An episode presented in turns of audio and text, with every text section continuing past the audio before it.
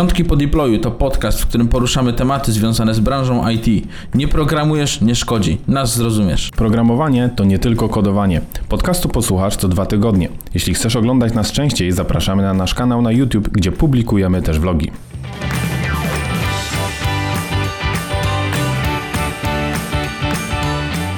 Cześć, z tej strony Mateusz Anioła i przed Wami najnowszy odcinek Piątków po który nagrałem wspólnie razem z Karolem Stefańskim.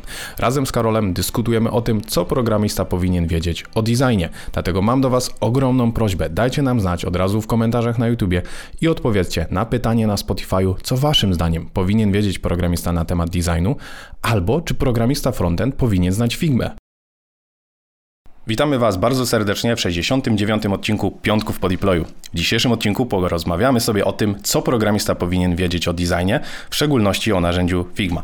I żeby ten temat właściwie Wam przedstawić, mam wyjątkowego gościa, Karol Stefański. Karol, jakbyś mógł powiedzieć kilka słów o sobie. Siemanko, cześć, bardzo mi miło, że tutaj jestem. Jestem Karol i jestem projektantem e, doświadczenia użytkownika, tak zwanym UX-owcem. Zajmuję się projektowaniem cyfrowym od 2014 roku. W tym czasie miałem okazję pracować przy rozmaitych projektach zarówno dla korporacji, dla agencji, dla startupów i nie tylko. Także myślę, że Coś tam już wiem, a przy okazji prowadzę również swój projekt edukacyjny, gdzie o projektowaniu właśnie mówię i w ramach tego pomysłu jestem też tutaj, za co jestem bardzo wdzięczny. Dokładnie tak. Jeżeli jesteście ciekawi, jakie materiały Karol tworzy i jaką wiedzą się dzieli, to zachęcam Was do sprawdzenia go na social mediach. Gdzie Ciebie można znaleźć, Karol? No, można mnie znaleźć na YouTubie przede wszystkim pod moim imieniem i nazwiskiem, czyli Karol Stefański. E, jestem również na Instagramie i TikToku i oczywiście na LinkedInie, tam gdzie wszyscy poważni ludzie. Tam gdzie wszyscy poważni ludzie, tak jest. E, słuchaj, chciałbym zacząć trochę od historii może, gdzie byliśmy, gdzie jesteśmy. I tak się też składa, że właśnie zdają sobie sprawę, jak powiedziałeś, że zajmujesz się projektowaniem od 2014 roku. To jest mniej więcej podobny czas, w którym ja zaczynałem swoją przygodę z frontendem. I wtedy ja jako frontendowiec, moim podstawowym narzędziem był Photoshop. I wtedy było nie do pomyślenia, żeby frontendowiec nie potrafił obsługiwać Photoshopa. Natomiast fast forward, jesteśmy w czasach dzisiejszych i właściwie Figma jest tym domyślnym narzędziem i właściwie frontendowcy z niego nie korzystają. Więc pogadajmy trochę o historii. Co się stało z Photoshopem? Photoshop przede wszystkim, jak sama nazwa wskazuje, przede wszystkim służy do obróbki zdjęć, a to, że on przy okazji został zaadaptowany jako narzędzie do projektowania stron czy aplikacji, to jest e, jego jakby drugorzędna kwestia zupełnie. Teraz, kiedy projektujemy, używamy narzędzi opartych o wektory, tak? Czyli możemy je sobie skalować w nieskończoność i jakość będzie zawsze fantastyczna. Natomiast Photoshop ma oczywiście jakąś tam obsługę wektorów już w tym momencie, bo po prostu jest jest to kolos. E, natomiast nie jest to na pewno narzędzie do tego, do czego został, znaczy na pewno nie jest to to, do czego został stworzony pierwotnie. Więc zaczęły pojawiać się narzędzia takie jak oczywiście Figma, przedtem jeszcze Sketch, e, który jest dostępny tylko i wyłącznie na Maca. E, no i po prostu zaczęły przejmować jego pozycję.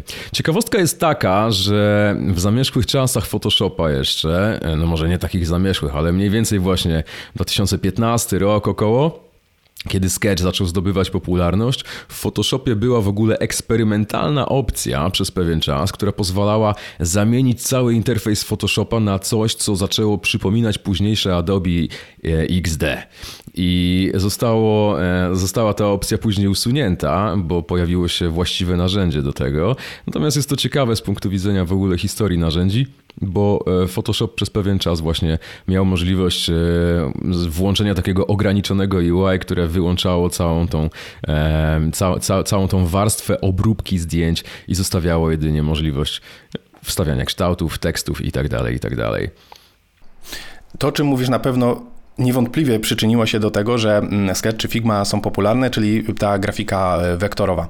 Natomiast zastanawiam się, czy również do takiego przejścia e, przysporzyło się to, że e, Figma jest też rozwiązaniem webowym i daje nam fajny interfejs inspektor sprawdzenia sobie bez konieczności jakby instalacji dodatkowego oprogramowania. Tam nam generuje też CSS-y czy różne inne gotowe style, które możemy wykorzystać, bo w Photoshopie tego nie było i musieliśmy po drodze kiedyś korzystać z takich narzędzi jak InVision, gdzie nam tego, gdzie nam to rzeczywiście taki interfejs webowy dawało, ale było to zewnętrzne narzędzie. Przez chwilę pamiętam, sam jeszcze korzystałem z takiego edytora Brackets i to był taki dedykowany edytor dla frontendowców, gdzie tu z jednej strony mogłem mieć kod, a z drugiej strony otworzyć sobie design i niby go wyklikać, ale to też tak sobie działało. A z tego co wiem, to w ogóle Figma jest teraz dostępna również webowo po prostu. Tak, Figma została zbudowana w ogóle e, z myślą o tym, żeby być dostępną z przeglądarki, także jest to niewątpliwie bardzo duży plus. Jeśli chodzi o CSS-y, to w, pewnej, w pewnym momencie Photoshop e, również zaczął umożliwiać kopiowanie jakichś tam wartości typu kolor, czy, czy font, jego rozmiar i, i, i tak dalej. Natomiast e, w gąszczu wszystkich funkcji dostępnych pod prawym przyciskiem myszy w Photoshopie, no to nie było to na pewno bardzo wygodne. Figma e, ma cały czas dostępny panel Code po prawej stronie, gdzie zarówno designer, jak i deweloper, czasami ta sama osoba, jest w stanie zobaczyć większość tych wartości CSS-owych i jest to niewątpliwie bardzo, bardzo przydatne. Więc nawet jeśli ktoś wchodzi do projektu Figmy nie jako projektant, nie, nie ma nawet opcji edytowania tego projektu, to wciąż może wziąć sobie wszystkie wartości i to jest na pewno na pewno coś, co przyspiesza pracę. Oczywiście należy mieć na uwadze, że to nie jest tak, że skopiujemy sobie jakiś tam e, snippet CSS-owy, który nam Figma wypluwa i to będzie działało identycznie, ponieważ ciągle mamy problemy z pozycjonowaniem, ciągle mamy tam pewne rzeczy zrobione w jakiś tam absolutny sposób, który jest nieresponsywny. I musimy mieć to cały czas z tyłu głowy. Natomiast dla takich podstawowych rzeczy, jak choćby skopiowanie e, wartości drop shadowów, choćby takie rzeczy jak bordery, file i tak dalej, wszystko, wszystkie roz, e, tematy związane z kolorami, z fontami, jesteśmy w stanie sobie w łatwy sposób skopiować. Tym bardziej, że Figma już w tym momencie umożliwia również e, definiowanie zmiennych. To właściwie właśnie poruszyłeś mega ciekawą rzecz w ogóle z tym, z tym centrowaniem, z, z, tym, co rzeczywiście Figma potrafi przełożyć na gotowy styl, a co nie, i do tego za chwilę przejdziemy. Natomiast tutaj chciałem jeszcze spytać, bo jak tak opowiadałeś o tym, to mi się przypomniało, jak to z Photoshopem, e, z PSDK-ami było, że miałeś 3 miliony wersji, nie? Była wersja 1, 2, Final, Final, Data i tak dalej, natomiast w Figmie również mamy wszystko webowo nam się synchronizuje z cloudem. Jakiekolwiek zmiany ty zrobisz, od razu wszyscy, którym ten plik udostępniłeś, również taką zmianę mają. Domyślam się, że jakby no Adobe już takie rozwiązanie ma, ale jednak z mojego doświadczenia, z mojej pracy, wiem, że to też było częsty problem, że ja coś stworzyłem, potem się dowiedziałem, że o nie, była nowa wersja pliku i przecież wziąłem nie z tego. Tak, i to jest błogosławieństwo Figmy i przekleństwo jednocześnie, mm, z tego względu, że Figma wymaga bycia online do tego, żeby działać. Jedynym e, sposobem na to, żeby pracować bez połączenia z internetem jest to, że masz otwarty ten, ten plik po prostu, e, wyłączasz internet dopiero wtedy i nie daj Boże e, skraszuje ci się aplikacja, bo wtedy już do tego nie wrócisz.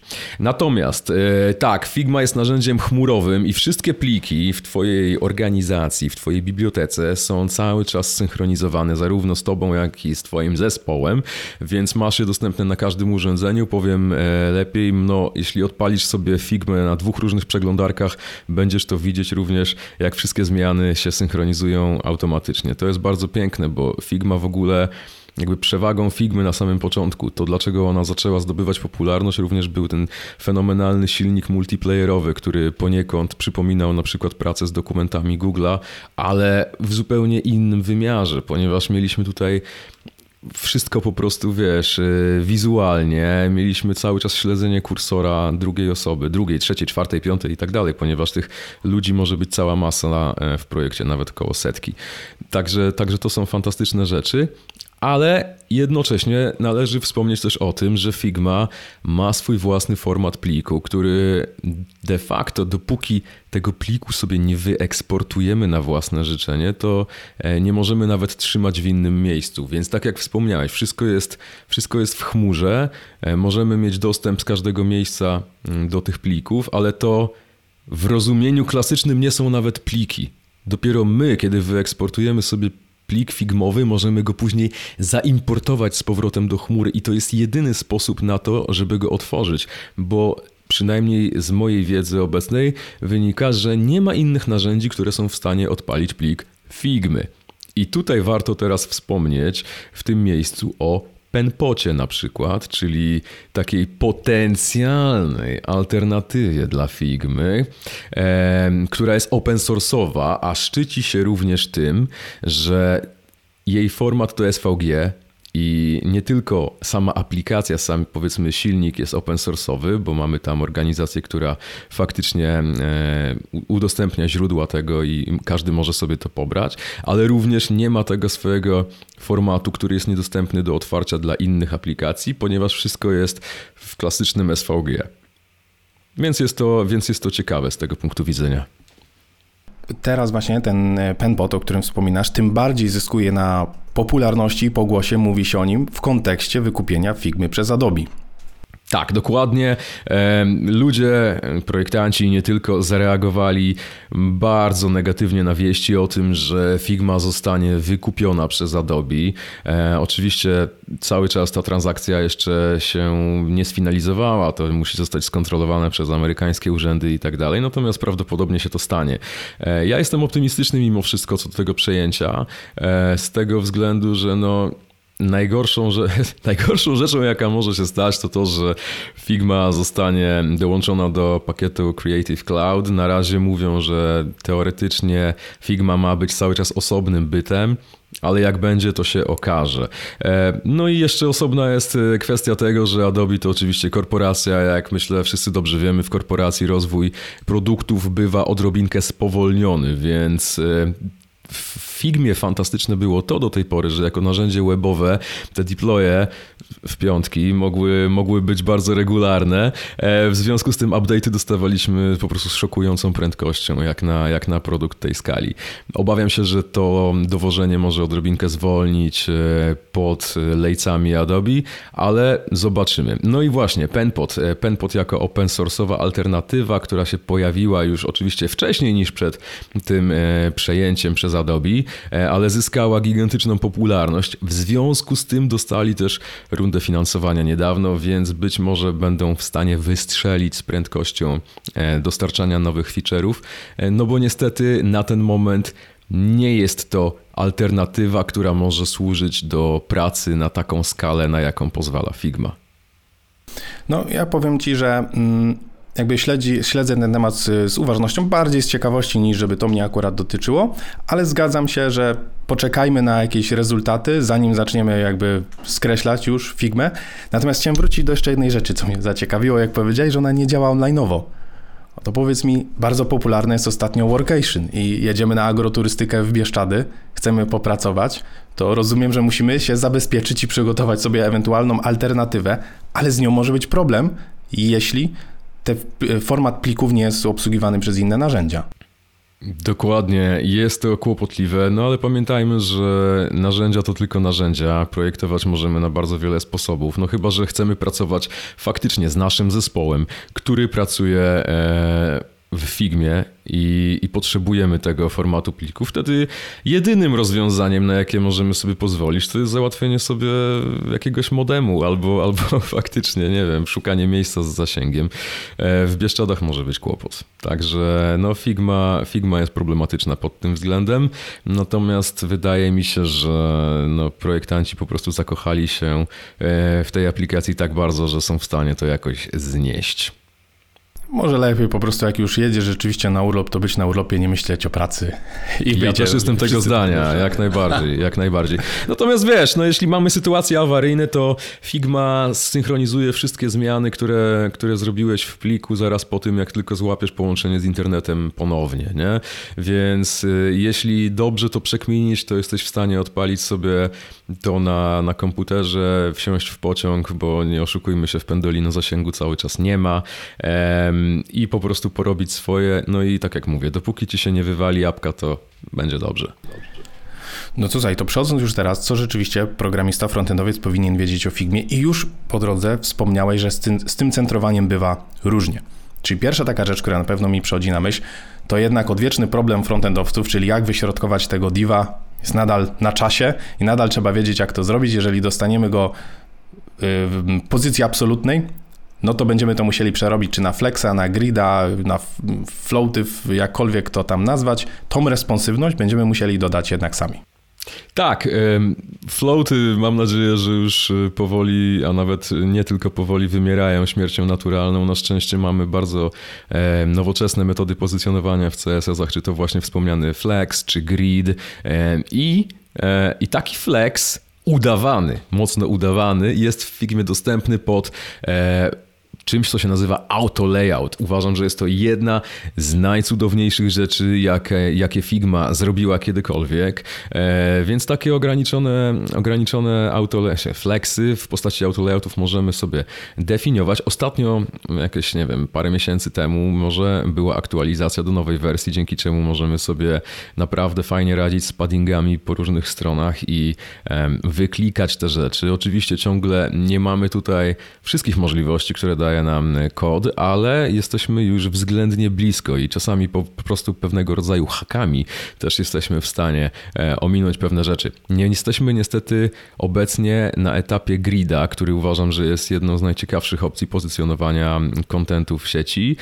No i musimy sobie po prostu takiego grida udawać, e, tworząc różnego rodzaju złożone auto layouty, czyli flex pod flexem, pod flexem i tak dalej i no jakoś, e, jakoś jesteśmy w stanie to zrobić. Też na przykład niedawno została dodana opcja dopiero mm, pozycjonowania elementu absolutnie względem jakiegoś tam flexa, więc takie rzeczy są do zrobienia w Figmie, no ale ciągle należy pamiętać jedną rzecz. Figma nie daje nam możliwości robienia bardzo responsywnych layoutów, więc musimy te rzeczy projektować osobno, tak? Czyli musimy sobie na przykład widok w cudzysłowie tabletowy zrobić jako osobna ramka, a później, widok desktopowy będziemy robić jako osobna ramka. I oczywiście odpowiednio dbając o ustawienie resizingu tych elementów, y, przypięcia ich do krawędzi i tak dalej, na co nam Figma pozwala, jesteśmy w stanie zaoszczędzić sobie sporo pracy. Z tego względu, że po prostu zmienimy rozmiar naszego tego frame'a, na którym pracujemy i to będzie ok, ale nie wszystko w ten sposób jesteśmy w stanie rozwiązać. Więc niestety, ale musimy mieć cały czas z tyłu głowy, że o responsywność musimy zadbać, no niestety, na piechotę. A to jest w sumie dobry moment, żeby zadać pytanie o grida jako takiego. To było pytanie, które w sumie szykowałem bardziej w kontekście, co programista już tak powinien wiedzieć, nie tylko o Figmie, ale o designie, ale będzie dobry moment, bo jak ja jeszcze robiłem, powiedzmy, z zamieszłych czasów, robiło się 12-kolumnowego grida, miały paddingi, e, czasem właśnie jeszcze tym floatem, potem już e, flexem. Czy nadal, e, niezależnie w jakiej formie już implementacji samej, czy nadal jakby pierwsze co robisz, dzielisz swój design na 12 kolumn i od tego zaczynasz, czy stosujesz teraz jakieś inne podejście? 12 kolumn i to, i to dlaczego to jest bardzo popularne rozwiązanie. Przede wszystkim wynika z tego, że był to podstawowy grid, który oferował Bootstrap w, w pewnym momencie. Bootstrap traci na popularności, coraz częściej spotykamy się z bardziej fikuśnymi layoutami. Natomiast 12 to jest magiczna liczba, bo ona jest bardzo wdzięczna i dzieli się na miliony sposobów, nie? Więc e, jeśli chcemy zadbać o ten layout, jego jakiś tam rytm i tak dalej, to możemy wykorzystać bardzo fajnie te kolumny w różnych konfiguracjach. Dwie z przodu i 10 z tyłu, po 6 po połowie i tak dalej, i tak dalej. 8 i 4. To jest mega fajne. Natomiast nic nie stoi na przeszkodzie, żeby zbudować e, ciekawy layout na 8 kolumnach albo na kurde 24 kolumnach, tak?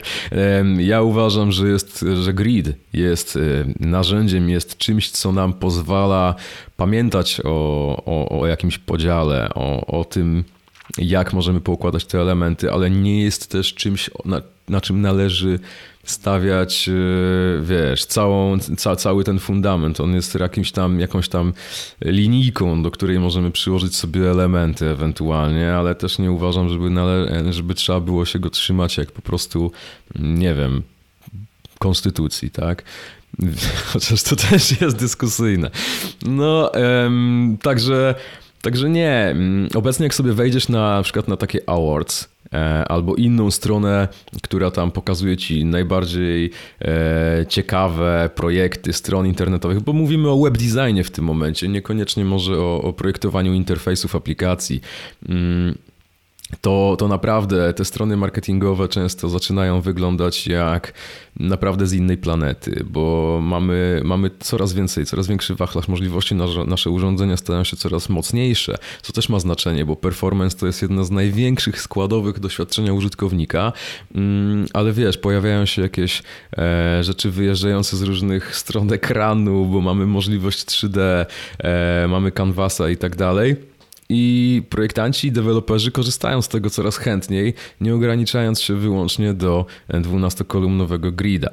Teraz jest jeszcze taka kwestia, że e, Coraz więcej jakichś tam patentów z druku jesteśmy w stanie przenosić do, e, do digitala, z tego względu, że mamy też ekrany o wysokiej rozdzielczości, gdzie na przykład gigantyczne fonty są w stanie wyglądać mega fajnie, bo mamy retinę i tak dalej. I te rzeczy, te, te właśnie awangardowe layouty zaczynamy coraz chętniej budować i też wydaje mi się, że odbiorca końcowy się zaczyna do tego przyzwyczajać. Bardzo ciekawe, co powiedziałeś o mm, tych awardsach i o tym, jak te strony zaczynają wyglądać, jakie możliwości też mamy, bo przypomniało mi się trochę moje wcześniejsze doświadczenia. Tak w ogóle trochę odchodząc z tematu, ja z wykształcenia jestem e, inżynierem budownictwa i pamiętam też e, moją współpracę z architektami. I często było tak, że architekt coś wymyślił, a potem konstruktor się martwi, martwił, żeby to stało w miejscu i wytrzymało.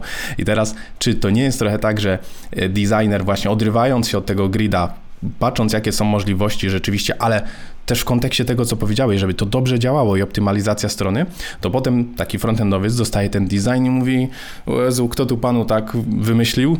I po prostu zastanawia się, jak to przełożyć. Nie? Jakby no, ta współpraca musi nadal być i jak tutaj to zgrać? Jakby jak designer powinien wiedzieć, na co może sobie pozwolić, no bo wymyśli sobie, nie wiem, na przykład jakiś element trójwymiarowy i powie, no dobra, masz WebGL, masz 3JS-a, działaj, nie? Tak, no tutaj jest wszystko kwestią komunikacji, bo oczywiście e, problemem będzie to, jeśli osobą odpowiedzialną za development będzie ktoś, kto po prostu nie ma pojęcia, jak te rzeczy wdrożyć, tak? E, I tutaj też dochodzimy poniekąd do demokratyzacji developmentu, jeśli chodzi o, o, o web, o strony, bo na przykład takie narzędzia jak Webflow już w tym momencie e, pozwalają coraz częściej designerom zacząć wprowadzać swoje, swoje wizje w życie i niekoniecznie musi się konsultować z jakimś innym deweloperem, który będzie się tym zajmować. Inna sprawa jest taka, że jeśli od, od, samego początku pracujesz e, w zespole e, designer-developer, no to po prostu trzeba gadać, tak? I wiesz, może, może nie działać waterfallowo, może e, nie czekać do samego końca z projektem, który później zostanie wrzucony frontendowcowi, który będzie się głowił nad tym, jak to wdrożyć. Po prostu na bieżąco, wiesz, mówisz, stary, mam taki, mam taki pomysł na, na header, nie? Żeby tutaj wylatywała planeta w 3D, coś tam. O, jak to ugryźć w ogóle, nie? Czy będziemy to robić, czy będziemy to robić na przykład za pomocą faktycznie obiektów 3D, które będą renderowane w przeglądarce, czy może zrobimy to po prostu lepiej na zasadzie animacji, która będzie pokładkowo przy scrollowaniu, wiesz, yy, po prostu puszczana, nie? Tak jak często na przykład Apple robi, że ma bardzo fajne animacje gdzieś tam iPhone'a, który, wiesz, przekręca się z boku na bok, a de facto to leci klatka po klatce, yy, kiedy masz, yy, kiedy, kiedy jeździsz palcami po touchpadzie, nie? Czy po prostu kółkiem myszy. Także metod wprowadzania tego w życie jest cała masa, jak widać i słychać. Mm, pytanie jest, y, kto będzie to na końcu wdrażał i też jak to będzie performowało, no bo tak jak mówię, to jest mega ważne, nie? No właśnie, przy okazji też tego performance'u i tego, co wspominałeś wcześniej mm, w ogóle o, o o responsywności, to kiedyś jakby by default stosowało się Mobile First Design, czyli zakładaliśmy, że zaczynamy od mobila, a dopiero potem przechodzimy do desktopu, więc frontendowcy też jako tą bazę często układali sobie najpierw mobile, a potem jakby tablet, tak i coraz, coraz szerzej, coraz szerzej. Czy to jest nadal takie, czy domyślam się, że nadal jest stosowane, ale czy nadal jest takie podejście, że to jest jedyne właściwe podejście i powinniśmy zaczynać od mobila? Ja się zgadzam z tym absolutnie, że powinniśmy zaczynać od mobila, przede wszystkim projekt. Kwestia jest taka, że klienci, czy nasi stakeholderzy, czy ktokolwiek, dla kogo robimy stronę, najczęściej stronę wyobrażają sobie jako właśnie projekt szeroki, na szeroki ekran i tak dalej. Dlatego czasami zaczynamy w ogóle od projektowania na desktop, żeby pokazać jakieś tam nasze koncepcje, jakieś pomysły, jak to będzie latać, i, i później są podejmowane decyzje na bazie tego. A dlaczego powinniśmy zaczynać od najmniejszego ekranu? No przede wszystkim dlatego, że jeśli zmieścimy cały content i uda nam się zakomunikować to, co chcemy zakomunikować, bo podkreślam, do tego służą właśnie strony internetowe, żeby komunikować jakieś rzeczy, człowiekowi najczęściej, no to, no to musimy ten content rozmieścić tak, żeby on się mieścił na naszym e, smartfonie czy jakimś tam urządzeniu mobilnym.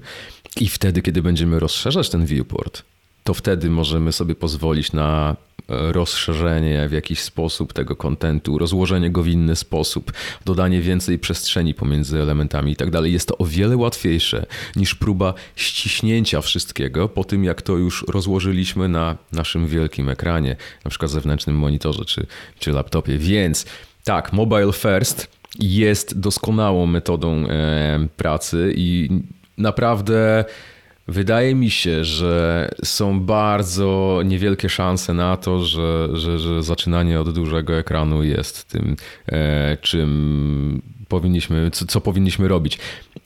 Dodam jeszcze tylko to, że jeśli zrobimy projekt na telefon, który wyświetla się na telefonie bardzo dobrze, to ostatecznie on będzie też działać na dużym ekranie. Tak? Więc możemy zawsze w najgorszym wypadku zaembedować powiedzmy coś w stylu jakiegoś tam e, ek ekranu telefonu na, na, dużym, e, na dużym wyświetlaczu i ta strona będzie działać, ten projekt będzie działać.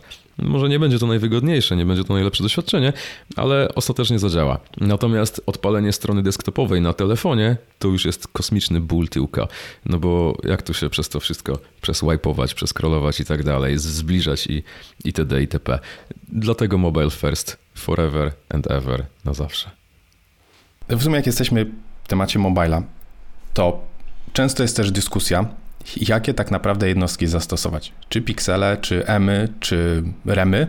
I teraz to jest w kwestii designera, żeby on jakby dobrał te wielkości i przekazał je powiedzmy programistom, słuchaj, to ma taką szerokość, nie wiem, w takiej i takiej jednostce, czy ty po prostu układasz to w Figmie, przekazujesz design i to już jest po stronie frontendowca, żeby zaimplementować to we właściwy sposób i dobrać właściwą jednostkę.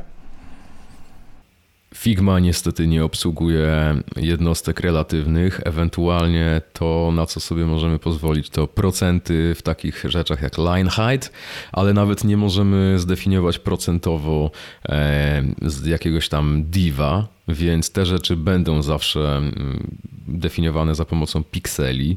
No niestety, jeśli designer ma wiedzę, możliwości i czas na to, żeby wymyślić sobie, jak to powinno być e, zakodowane, e, jeśli chodzi o jednostki, no to myślę, że fantastycznie, bo pomoże to po prostu frontendowcowi. Są do tej pory robione bardzo fajne strony, które wykorzystują piksele jako podstawową jednostkę i, i naprawdę wyglądają, działają fantastycznie, więc to nie jest tak, że są to jednostki jakoś tam definitywnie gorsze. E, poza tym w CSS-ach, poza emami, remami i tak dalej, mamy tego całą masę, mamy procenty, e, viewport height, viewport width i tak dalej, więc e, jest tego tyle, że naprawdę wybranie odpowiedniej dla tego projektu to jest czasami, wiesz, można spędzić na tym naprawdę godziny. I ostatecznie wydaje mi się, że więcej powinno być tego po stronie dewelopera.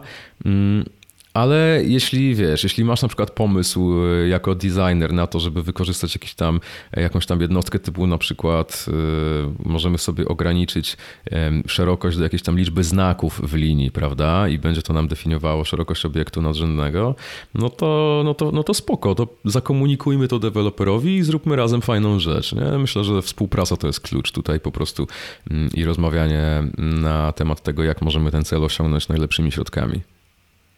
Jeszcze chciałem Ciebie podpytać o Twoje podejście i Twoje zdanie na temat pracy z ikonami. Bo tak jak wspomniałeś na początku, Photoshop głównie była to grafika rastrowa. Przeszliśmy na Figmę, która głównie się skupia wokół tej grafiki wektorowej i pamiętam, że wtedy wyciąganie ikon też zawsze trochę było no, pain in the ass, nie?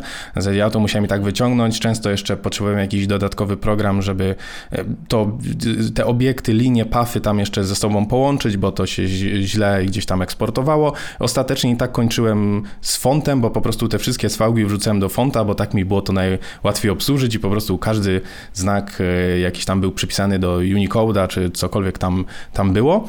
Domyślam się, że teraz jest pewnie łatwiej. Tylko teraz co, wyciągamy SVG i po prostu go wrzucamy, czy jak to wygląda z ikonami?